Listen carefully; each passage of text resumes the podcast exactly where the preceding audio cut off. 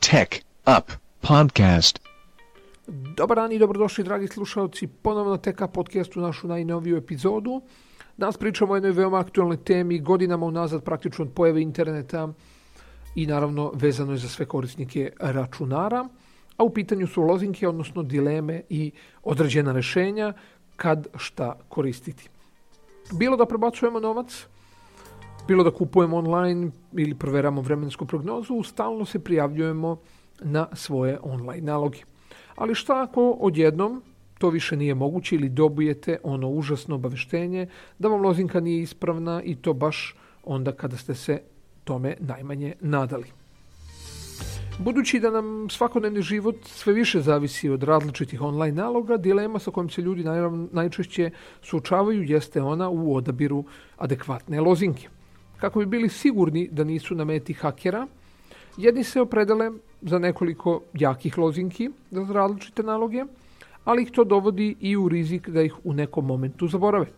A drugi pak se odlučuju za lako pamtive lozinke koji će im olakšati svakodnevni život, ali se njih naravno isto tako lako mogu dočepati i cyber kriminalci ili ti hakeri. E sad krećemo naravno sa prvom opcijom, a to su jake lozinke koje je teško zapamtiti.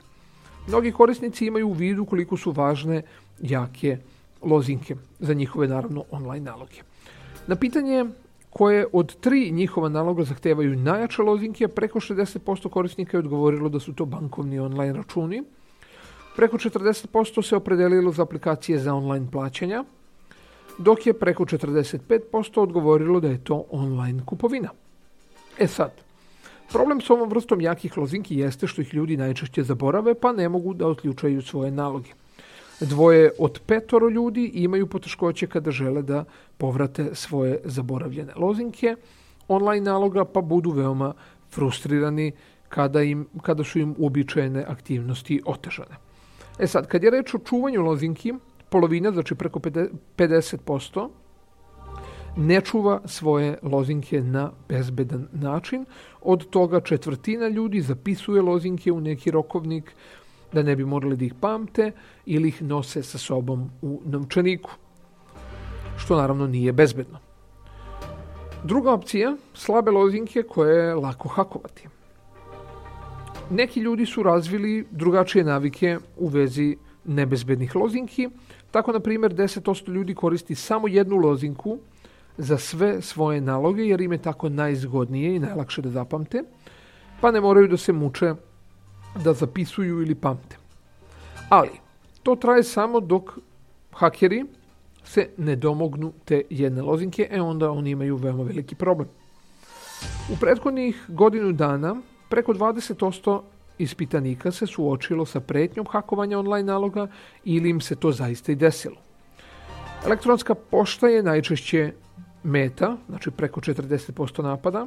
Odmah iza nje su naravno nalozi na društvenim mrežama, preko 37%, i bankovni računi sa skoro 20%. Tako da čisto imate uvid, znači ovo su neka istraživanja u proteklih godinu dana, znači 2018. Ali, ako je teško zapamtiti jake lozinke, postoji i treća opcija. To znači da korisnici sa ovom dilemom praktično jakim lozinkama se susreću svakodnevno, te često zaborave jake lozinke ili se odluče za one koje je lako zapamtiti.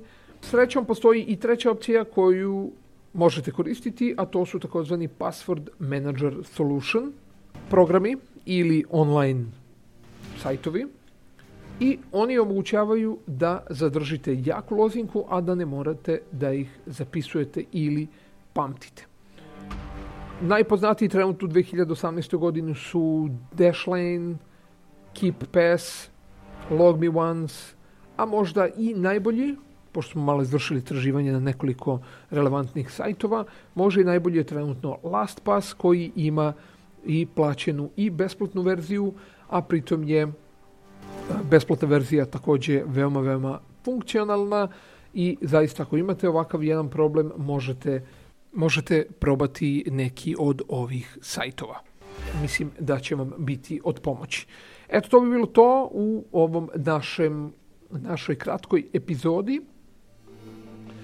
mislim da smo vam pomogli otprilike da imate sliku kako zapravo e, izgleda ovaj problem sa lozinkama i zaista veliki broj ljudi, čak i u mom okruženju sa kojima sam pričao takođe, imaju sličan taj stav da ne žele da pamte puno lozinke, da im je jednostavnije da uzmu jednu lozinku za više naloga, što ih potencijalno naravno stavlja u opasnost od hakovanja. Naravno, uskoro nam sledi i jedna obimnija epizoda koja će možda se, da kažem, proširiti na dve ili možda čak i tri epizode, a vezana je za privatnost na internetu, i, odnosno da li zapravo postoji privatnost na internetu. Tako da ako vas zanima ova, ova tematika, naravno ostanite uz Teka podcast i do neke sledeće epizode kao i uvek, veliki pozdrav.